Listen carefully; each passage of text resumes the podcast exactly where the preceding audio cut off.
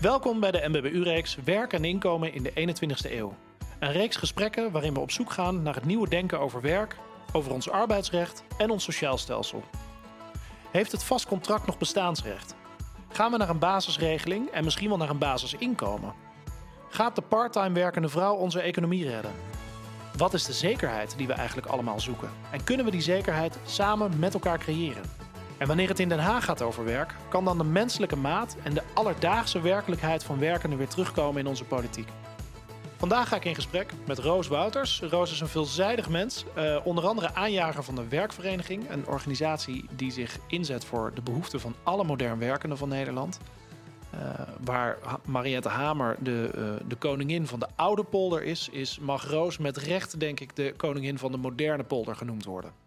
Roos, wat leuk dat je er bent. Dank we, gaan je wel. het, uh, we gaan het met je hebben over, um, over werk en inkomen in de toekomst. Werk en inkomen in de 21ste eeuw in Nederland. Misschien ook nog een stukje Europa. We gaan kijken waar we naartoe gaan. Leuk. ja, heerlijk. We mogen bijna weer op reis. Dus wat mij betreft gaan we ook even een uitstapje maken naar het buitenland. Um, maar goed, Roos Wouters, um, heerlijk om hier met jou in gesprek te gaan over alle sociaal akkoorden uh, en waarom ze asociaal zijn en geen draagvlak hebben. Vertel, wat, wat, wat was jouw reactie toen je het grote, meest bejubelde CER-akkoord... Ja, uh, historisch noemt Hans Historisch, ja, geweldig was het. Al. En uh, ja, ja wat, wat...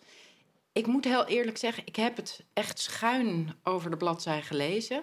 Wat me vooral opvalt daaraan is dat het dus dat er steeds over wordt gezegd hoe ongelooflijk veel draagvlak het heeft. Want dat de werkgevers en de werknemers het erover eens zijn. En er zijn allemaal uh, plannen in waarvan ik denk. Ja, dat is mooi in de utopie. maar in de praktijk werkt dit helemaal niet meer zo. En, en, Kun je eens twee voorbeelden noemen? Um, nou, ik, ja, uh, wel honderd, maar uh, dan, dan stroomt mijn hoofd meteen We over. hebben de tijd.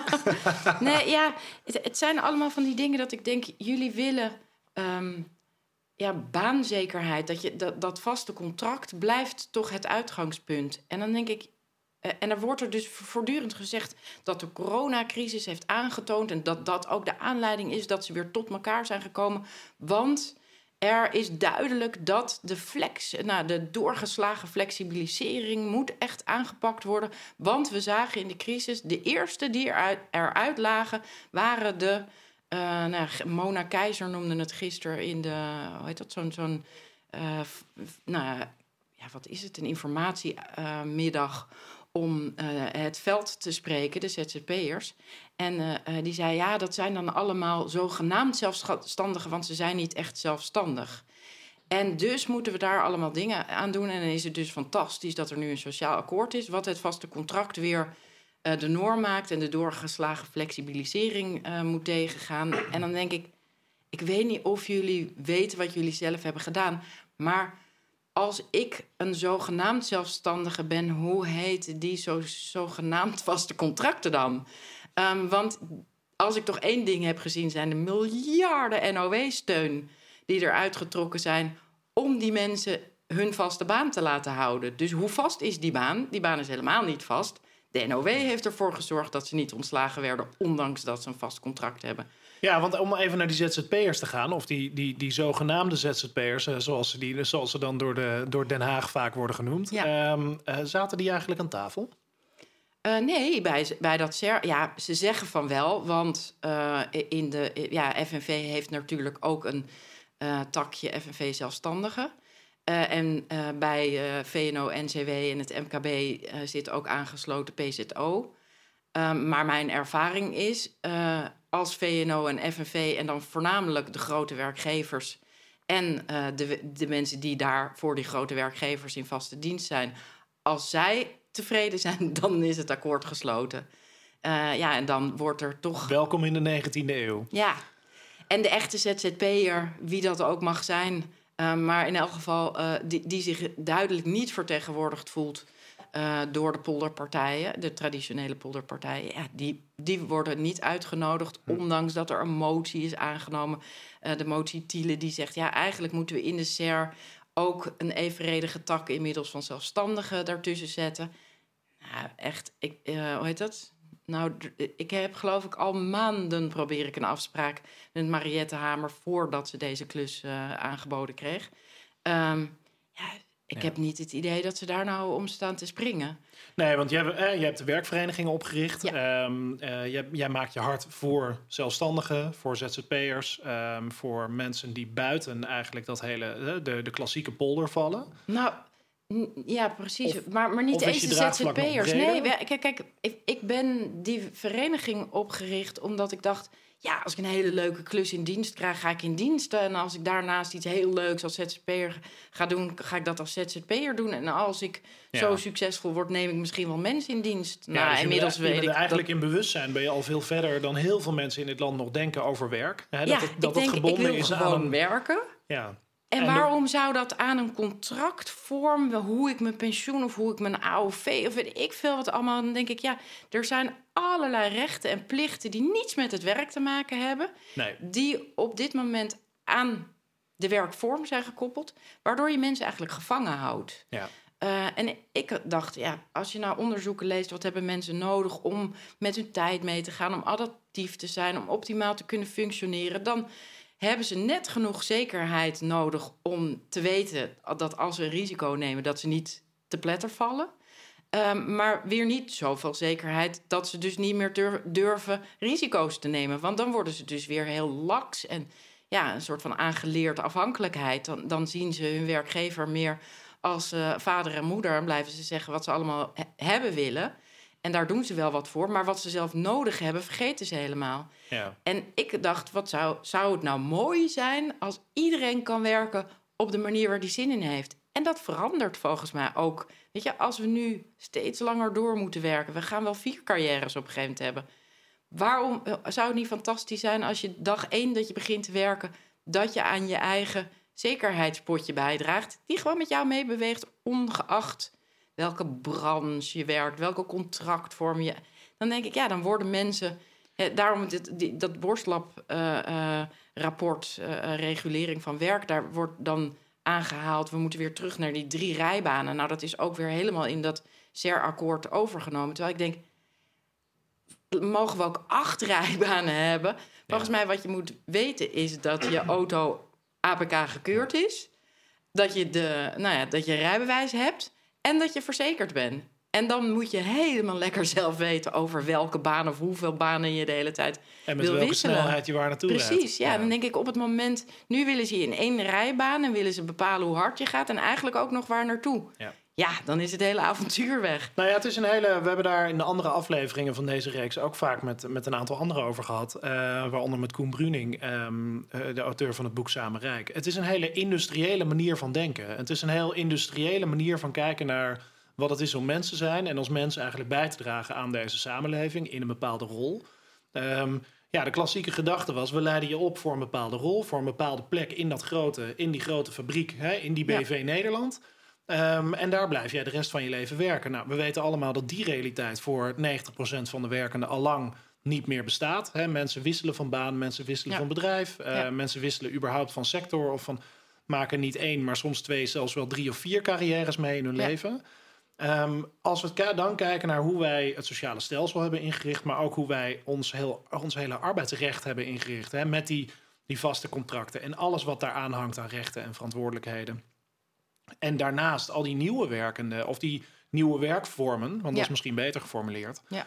Dan zie je eigenlijk dat er dus steeds meer werkers, werkenden in Nederland buiten, die, buiten de boot vallen. Dat wil zeggen buiten die kaders vallen. Precies, die worden aan hun lot overgelaten. De mensen, want jij zei net ZZP'ers. Ik, ik noem die mensen waar jij het nu over hebt, die dus buiten nou, die, die, die gewone het wiel opnieuw aan het vallen. Precies, die het wiel opnieuw aan het uitvinden zijn. Of ze dat nou in dienst doen en daardoor ongelukkig zijn en denken: oké, hoe kan ik dit anders inrichten? Dat zijn ook modern werkende, noem ik die. Omdat die behoefte hebben. Niet zozeer dat die anderen ouderwets werken, maar uh, die, die als je, zolang je in de traditionele uh, manier blijft werken, heb je nergens last van. Daarvoor is het gewoon goed geregeld. Maar op het moment dat je modern wil gaan werken, dan merk je dat het systeem waarin je valt en de manier waarop je je sociale zekerheid opbouwt, Niet dat die traditie. Nee, die is voor, alleen maar voor traditionele.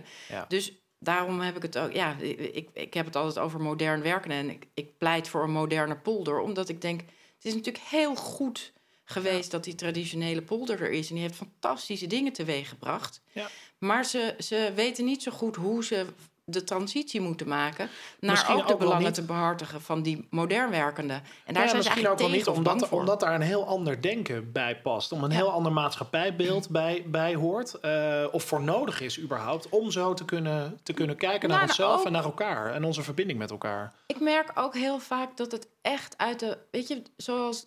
Ik ben dan heel blij dat ik. Ja, ik probeerde eh, eh, dat ook een keer uit te leggen over die wet DBA. Ehm, dat ik zei, ja, weet je, ik wil heel graag zelf bepalen hoe ik werk.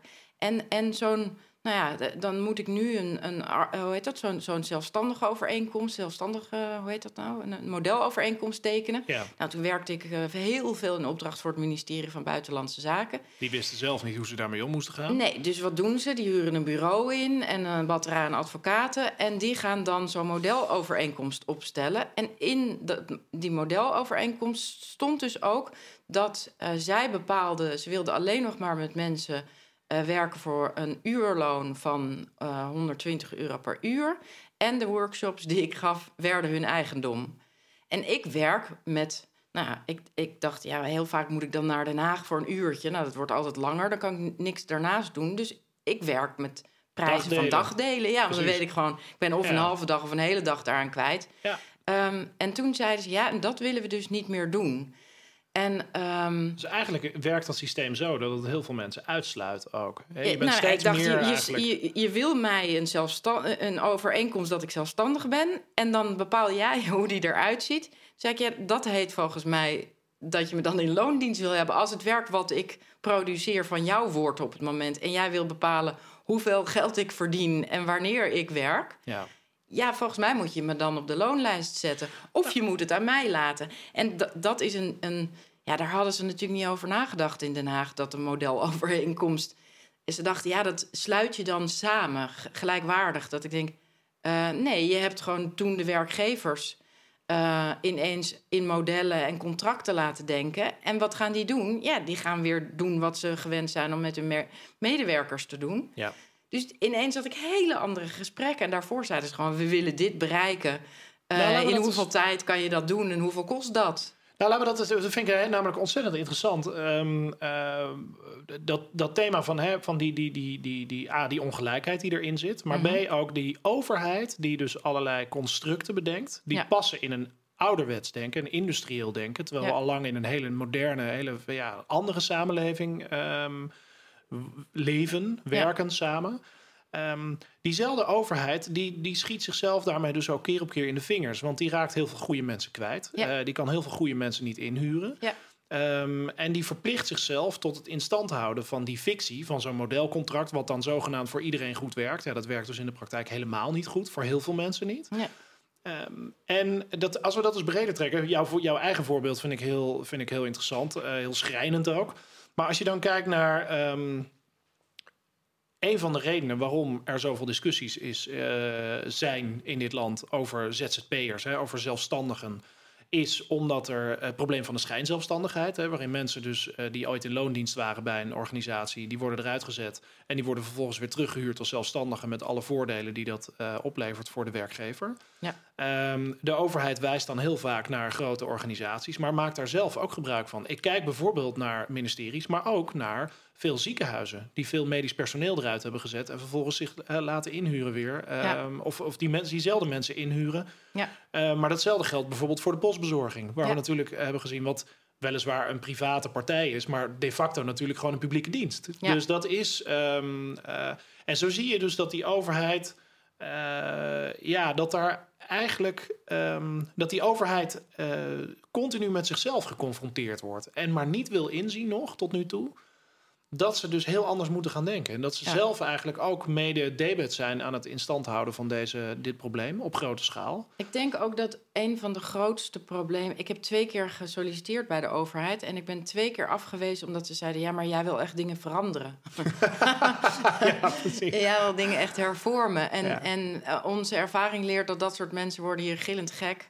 Ehm, dus ja, die, die baan is niet voor jou. En toen dacht ik, dus al in de selectie wie ze aannemen... Wat ben ik blij voor je dat je het niet gedaan hebt. Ja, ik ook achteraf. Maar ik wilde echt dingen veranderen. Toen dacht ik, ja, wat moet ik dan doen? Dan moet ik ambtenaar worden. En dan, dan eh, Ja. kan ik daar Dat met je tegenaan denken, hè? Vanuit ja. de inhoud gedacht en Ja. vanuit medemenselijkheid gedacht. Ja.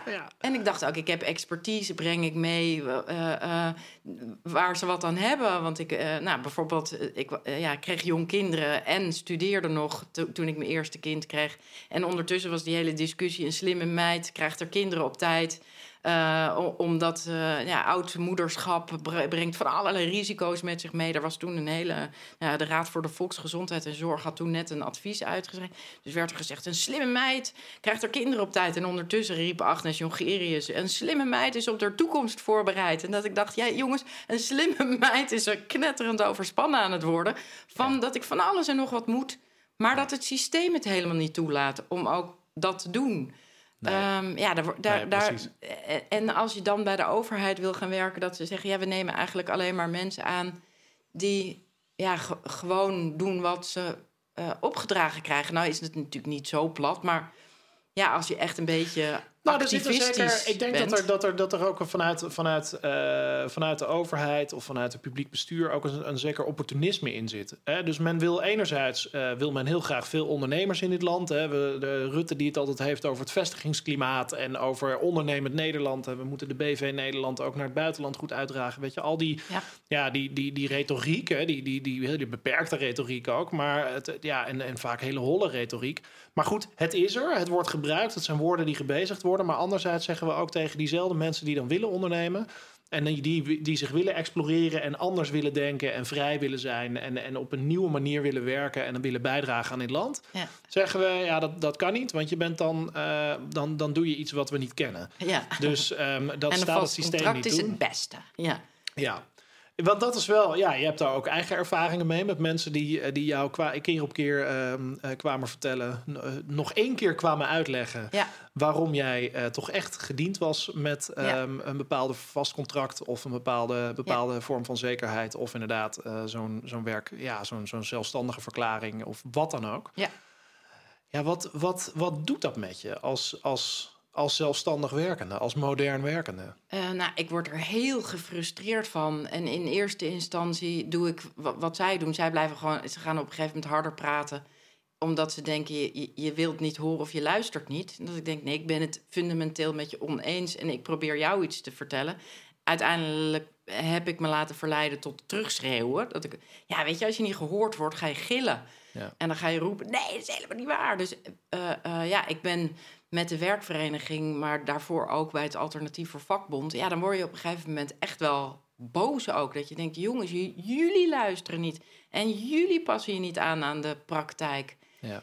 En inmiddels heb ik het idee dat we met de werkvereniging wel weer zo verder aan het doorgroeien zijn. Dat ik denk, oké, als ik heel hard tegen die mensen roep, jullie snappen er niks van, gaan ze het ook niet begrijpen.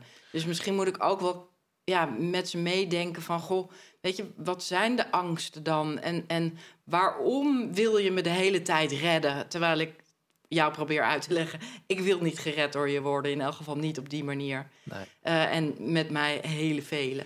Ja. Ehm, Want hoe dus gaat ja. het met de werkvereniging nu? Jullie, jullie groeien hard. Ja. Jullie, zijn, eh, jullie zijn lekker bezig. Ik zie veel van je ook en van de werkvereniging, ook vanuit jou, eh, ja, vaak op social media verschijnen. Veel, veel blogs, veel columns, veel, weet je, veel. Ja, eh, jullie worden de- de steeds meer uitgenodigd krant, ook we- in ja. discussies. Ehm, ja, we zijn, vooral ook wat mij heel erg opvalt, is dat er ongelooflijk veel mensen zich de afgelopen tijd aanmelden en zeggen: Wat kan ik voor jullie doen om jullie groter te maken? Leuk. Eh, ik wil mijn Ja. tijd en mijn energie erin zetten, want ik wil hier onderdeel van uitmaken.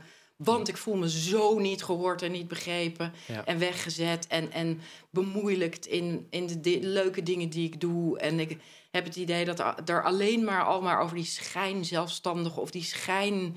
Nou ja, en dan denk ik, hoe, hoe kan het zijn dat we mensen die een bijdrage aan deze samenleving leveren en, en mooi werk willen doen en plezier in hun werk hebben, dat we die wegzetten als een stelletje profiteurs, freeriders. eh En wat zijn dit voor mensen die, die bij jou komen? Die zeggen, goh, wat kan ik doen? Wat kan ik doen om je verder te helpen? Wat, wat kan ik doen om de werkvereniging verder te helpen? En, Nou, dat zijn mensen die echt met heel veel passie dus bezig zijn eh, met hun werk. En merken Ehm, dat ze in kranten, eh, door het ministerie, nou, weer zo'n CER-rapport, de hele tijd worden geframed alsof zij iets doen wat niet goed is. Hmm. En daar worden ze gewoon heel verdrietig van.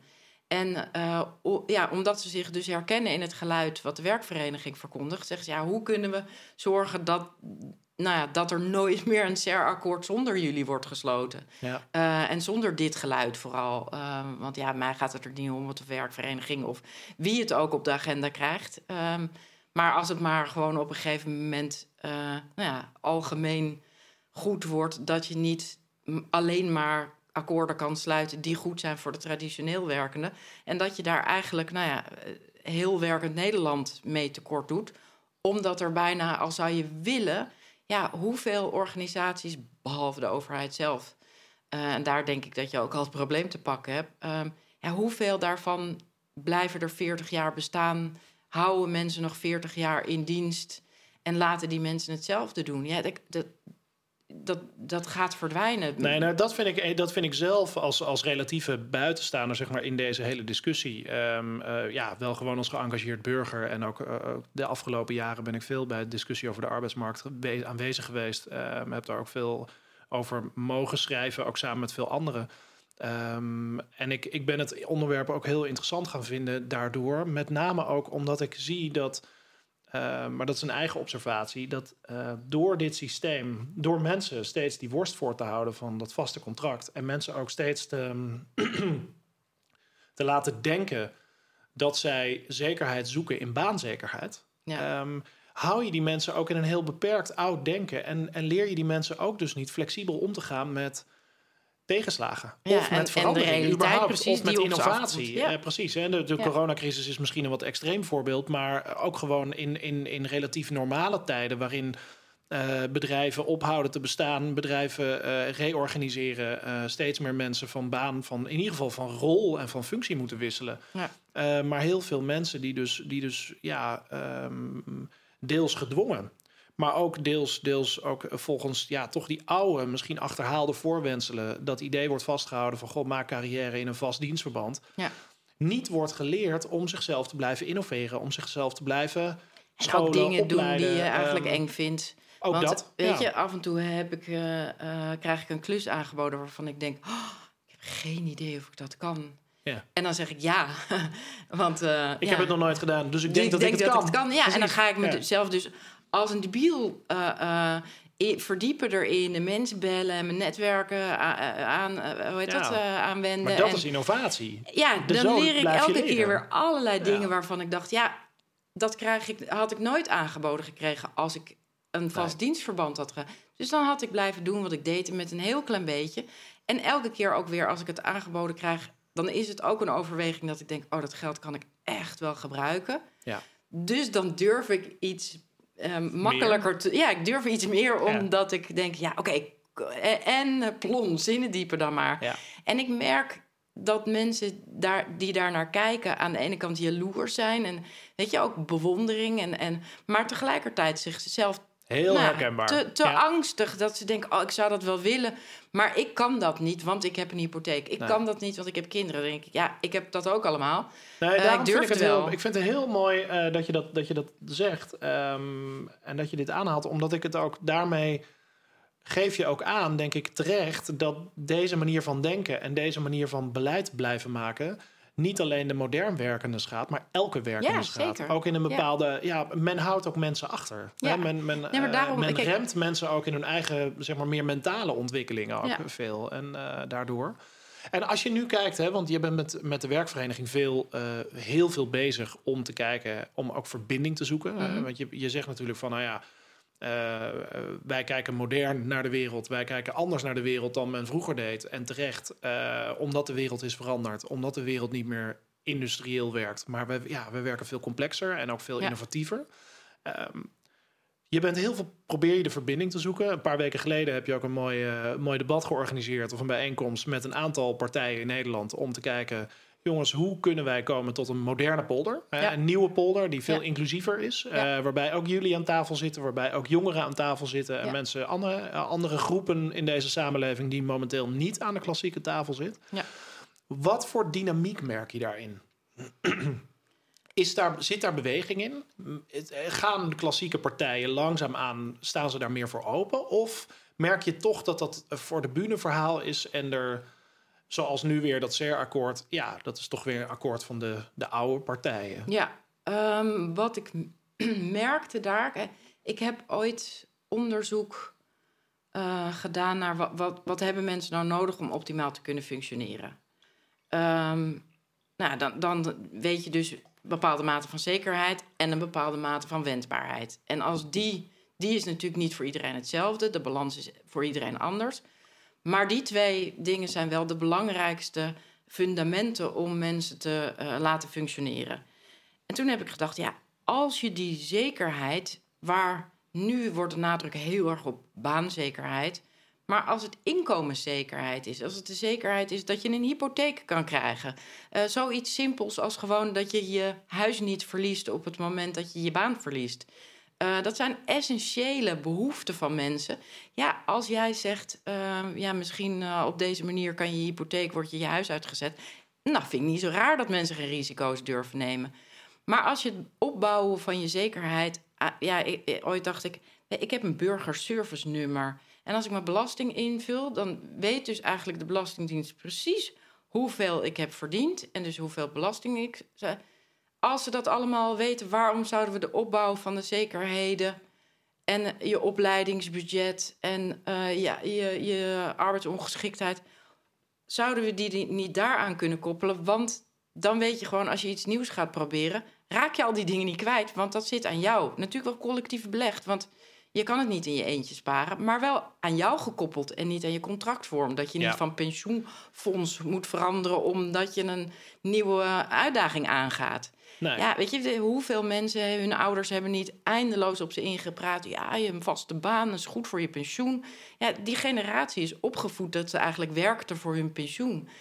Nou, probeer het nog maar eens. Uh, uh, het lukt je niet als je het willen, of steeds moeilijker. Dan denk ik, als we toch eens gaan kijken naar ook bijvoorbeeld ontwikkeling. Volgens mij is niet zozeer WW-uitkering is belangrijk, maar dat je je blijft ontwikkelen en dat je in staat bent om op het moment dat jij dus iets aanbiedt op de arbeidsmarkt waar geen behoefte meer aan is, moeten we je niet betaald thuis gaan zetten. Dan moeten we als een sodemieter in je investeren, zodat je iets gaat leren waar wel behoefte aan is. Maar dat stimuleren we nu helemaal niet. Je mag pas een opleiding volgen als je. Als je weer een baan gevonden hebt. Precies. Dus en dan denk ik, oké, en ook, weet je, binnen je bedrijf, als je dan ergens in loondienst werkt. Maar je bent bijvoorbeeld boekhouder. Ik, het is mijn favoriete uh, uh, voorbeeld, omdat ik iemand kende die zei: Ja, ik werk al jarenlang als boekhouder. Maar ik, ja, weet je, ik ken dat trucje nou wel, maar ik wil ook die zekerheid niet opzeggen. Maar ik zou zo graag yoga-instructeur willen worden. Nou, dat zijn wel twee uitersten ongeveer. Um, maar ja, weet je, ik betaal al jarenlang betaalt mijn werkgever uh, bijdragen die in O&O-fondsen. Maar ja, ik als boekhouder kan niet betaald door mijn werkgever een, een uh, yoga-opleiding nee, gaan we volgen. Zeggen, wat betreft die O&O-fondsen, we zeggen eigenlijk Nederland is ontzeild, maar Nederland is helemaal nog niet ontzeild. We leven echt nog in de jaren 50 wat dat betreft. Ja, ja, en uiteindelijk heeft hij het dus is hij parttime gaan werken, heeft hij zichzelf uh, die opleiding betaald. En toen kwam de crisis en toen werd hij dus, uh, ja, weet je, werd hij ontslagen als boekhouder. En het enige uh, wat, hoe heet dat, bedrijfstak of de beroepsgroep die gigantisch groeide, waren de yoga-instructeurs. Dat ik denk, ja, weet je, dit, ja, anders had deze persoon in de WW beland en dan misschien wel uiteindelijk in een uitkering. Nou ja, het is een, ik vind het een heel mooi voorbeeld, omdat het zo, ja, zo diametraal tegenover elkaar staat. En mensen doen er soms een beetje lacherig over, maar ik denk heel onterecht. Um, maar je, je zit dus inderdaad met het feit dat we een systeem hebben opgetuigd... wat er nog vanuit gaat dat mensen heel erg lineair leven. Ja. en binnen dat lineaire leven, je, wordt, je, je, je hebt een opleiding... dan ga je 40 jaar werken ja. en dan ben je een paar jaar vrij... en dan mag je de kist in. Dat is ongeveer in kort het model. Ja. En, um... nou, wacht even, want ik weet, ik nam een omweg... maar je, ik wilde nog je vraag beantwoorden. Wanneer vind ik die, die traditionele polder? Op het moment dus dat ik ze vertel ik wil mensen zekerheid geven. Ik wil ze niet afpakken. En het enige wat zij horen vaak is: jij wilt, wilt een mini-stelsel, jij wilt uh, allemaal uh, mensen met een vast contract wil je uh, flexibel maken op een manier die bedreigend is. Ja. En op het moment dat ik uitleg, nee, ik wil juist heel graag dat we deze mensen niet betaald thuis zetten, maar dat we ze stimuleren om al vanaf dag één dat ze werken aan hun opleidingsbudget te bouwen, die van hun is en niet van de werkgever. Die popgesprekken, je persoonlijk ontwikkelplannen, weet ik veel wat. Ik hoor mensen daar, nou, laatst iemand, ik, af en toe word ik daar zo moe van, want dan moet ik weer een kleurencursus, welke kleur ik ben. Ik uh, kom helemaal niet aan werken toe van al die zogenaamde cursussen die ik moet doen waar ik nou ja, wel iets aan nee, maar, dus, dus wat je eigenlijk doet, je wil mensen zekerheid bieden, alleen je wil dat op een hele andere manier. Eigenlijk pleit je ervoor om een sociale stelsel ehm, eh, te hervormen. Niet zozeer te hervormen, maar eigenlijk radicaal te hervormen. Om een hele nieuwe basis te creëren. Het burgerservice model heb je daarvoor uh, ontwikkeld. Um, uh, waardoor je dus inderdaad al die, al die mogelijkheden en die zekerheden. En dat gaat om de zekerheden van inkomen. Hè, bestaat, dat je gewoon je middelen hebt om te leven. En niet zozeer een baan inkomen of een baanzekerheid hebt, maar meer gewoon de inkomenszekerheid hebt. Ja. En opleidingszekerheid um, en mogelijkheden. Dat je, dus, dat je dat koppelt aan het burgerservice nummer. Ja. Aan individuele rechten. Voor iedereen, voor elke Nederlander. Ja. Um, en daarmee dus eigenlijk pleit voor een stelsel wat veel zuiverder eigenlijk nadenkt en faciliteert in de, over de behoeften van mensen, de werkelijke behoeften van mensen, en die behoeften ook faciliteert op een En op het moment dus dat ik daar het over heb, dan zie je ineens ruimte ontstaan. Dan zie je dat, het, dat ze zoiets hebben van, oh ja, oké. En dan zeg ik ook, ja, weet je, je hebt ook mensen die opgevoed zijn in een uh, vast contract en die, die jezelf ontwikkelen en een beetje ondernemend zijn. Ja, weet je, dat ga je er niet meer in krijgen. Die zeg ik ook, ja, die moeten we ook echt helemaal met rust laten daarmee. Ik wil niemand iets afpakken die dat niet wil. Maar laten we beginnen met jongeren gaan er al helemaal niet meer van uit dat ze 40 jaar bij dezelfde werkgever werken. Die willen meerdere dingen combineren. Uh, die uh, shoppen van het hier naar daar. Uh, ja, en tegelijkertijd, ik ben, zo'n, ik ben zo'n wat oudere jongere inmiddels. Maar ik ben zo iemand die uit die generatie ook komt. Ik ben, ik ben er nooit van uitgegaan dat ik ergens lang zou werken. Maar ik ben er tegelijkertijd, ik heb, ik heb ook een vaste, vaste baan gehad. Ik heb vanuit die vaste baan pensioen betaald. Maar ik ga er niet vanuit dat ik daar ooit gebruik van maak. Want ik ga er niet vanuit dat die pensioenfondsen het redden tot die tijd. Ja, dus precies. je nou, ziet bij mijn generatie en jongeren, met name jongeren, die hebben al überhaupt dat, dat geloof en dat vertrouwen in de werking van het systeem al lang opgegeven. Ja, totaal. Alleen die worden nog geremd in het creëren van, het, van hun eigen nieuwe systeem voor de nieuwe generatie. Ja, en wat ik, wat ik heel verdrietig vind soms, want dan, dan zoals laatst was er weer zo'n programma, hoe heette dat ook alweer? Um, er werden dan ook jongeren gevraagd en dan geven jongeren aan ze willen zo graag een vast contract. Um, en dat is dan koren op de molen van nou ja, de traditionele polder. Maar ze willen niet een baan voor 40 jaar. Want als je ze dat vraagt, wil je bij de... Nee, ze willen zekerheid dat ze een inkomen elke maand hebben. Ze willen weten dat ze op een gegeven moment een huis kunnen kopen. Ze willen weten dat ze inkomen hebben uh, om een kinderwens. Ja. Uh, maar, weet je? Zij maar de vraag om dat... En dat zie je heel erg. Het is, het is een soort van systeemdiscussie. Ja. En ik denk, ja, jullie denken vanuit systemen... en die systemen houden die mensen klein. Ja. En, en die systemen zijn bedacht in een tijd dat die systemen die mensen juist groot maakten en ondersteunden. Maar inmiddels is dat veranderd. En, en ja, ik, hoor ook af en toe, weet je, de mensen die dan bij de vakbond bijvoorbeeld, die zeggen: Ja, maar waar jij eigenlijk voor bent, is dat we het stukloon weer gaan invoeren. Maar jij, jij pleit er dus voor, je, je hebt een systeem gecreëerd, of je hebt een voorstel voor het burgerservice model gecreëerd. Dat is eigenlijk een heel nieuw systeem voor ons sociaal stelsel. Nou, um, we zien, in, we zien eigenlijk steeds meer initiatieven ontstaan, zoals die van jou. Uh, De MBBU heeft nu zijn eigen basisregeling voor alle werkenden laten doorrekenen. Maar dat, je ziet dus even los van de inhoud ervan, je ziet dus steeds meer mensen die op een positieve manier willen bijdragen. Mensen zoals jij die zeggen van nou ja, we, we creëren een nieuw model voor alle werkenden, heel inclusief, um, gekoppeld aan individuele rechten en, en, en mogelijkheden. Dan vind je die klassieke polder op het moment dat zij doorkrijgen van hé, hey, jij werkt aan zekerheid en je wil mensen niks afnemen. Maar dan zeggen die mensen vaak, ja, maar dat is niet realistisch vanuit het huidige politieke bestel of vanuit het huidige bestuursmodel. Dus misschien voor de lange termijn. Dan is mijn vraag, en dat is misschien eh, um, om mij af te sluiten, van ja, wat willen deze mensen nalaten? Want als we het alsmaar naar de volgende generatie bestuurders schuiven, zo van dat zal ooit wel een keer kunnen worden ingevoerd, but not on my watch. Ja. Wat laten deze mensen dan na? Wat is hun legacy in deze samenleving nog? Nou, ik, ik heb op een gegeven moment ook een, een, uh, in de Volkskrant een, uh, hoe heet dat, een advertentie geplaatst met dat ik de, de Tweede Kamer, de volksvertegenwoordiging eh, eigenlijk beschuldig van nalatigheid. Ik zei, jullie hebben in de, voordat de, de coronacrisis uitbrak, riepen jullie: het is doorgeslagen. Uh, we, we, we, hoe heet dat? Het vaste contract is eigenlijk iets wat niemand meer krijgt. Uh, en steeds meer mensen worden gedwongen flex. En die ZZP-groei is iets wat we niet willen. Want die mensen, ja, daarvan is de zekerheid, zeker vergeleken bij andere landen in Europa, echt het minst. Um, ja, dat moet, daar moeten we wat mee. Um, want als er een crisis aankomt, dan gaat het helemaal mis. En het eerste wat ze hebben gedaan toen de crisis eraan kwam, denk ik, ja, onder druk wordt alles vloeibaar. Dan zouden jullie nu bijvoorbeeld een basisregeling uh, voor alle werkenden kunnen maken die dat nodig hebben. Maar wat doen ze? Ze doen een hele prachtige uh, regeling, NOW, dat nou ja, werkgevers, uh, grote werkgevers hebben daar niet zoveel problemen mee, maar die moeten eigenlijk de prijs betalen om volledig uh, uh, hun werknemers in dienst te houden. Um, dat ik denk, dus je benadrukt weer met deze regelingen dat het vaste contract zogenaamd zekerheid biedt. Maar het biedt dus geen zekerheid, dat doet die NOW-steun. Ja, en tegelijkertijd zeg je, ja, kijk, al die uh, um, schijnzelfstandigen of al die niet echte zelfstandigen, moet je kijken, die kwamen massaal aankloppen. Dat ik denk, massaal aankloppen, ja, die zijn er ook allemaal alweer aan het werk. Terwijl, uh, ja, weet je, dat valt reuze mee.